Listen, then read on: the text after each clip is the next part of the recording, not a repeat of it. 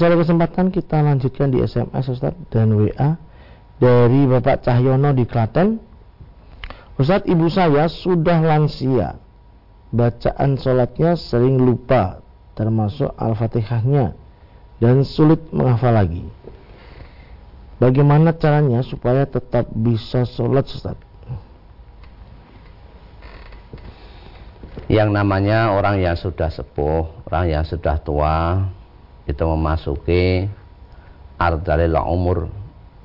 Kadang-kadang ada yang pikun ya. hal yang seperti itu sudah wajar. Dan Allah maha mengetahui terhadap kondisi hambanya.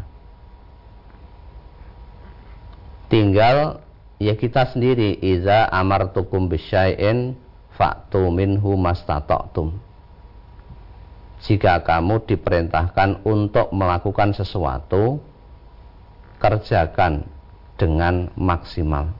Ya, ya kadang mungkin lupa bacaannya lupa berapa rakaat.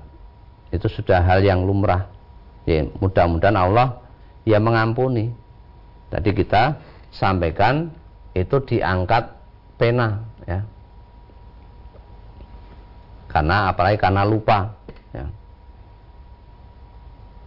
innallaha wazo'a an ummati al khoto'a wan nisyana wa mastukrihu alaihi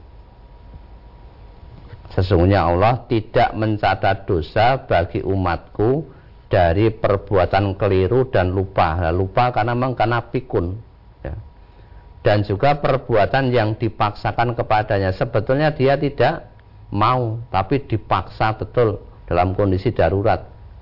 Ya.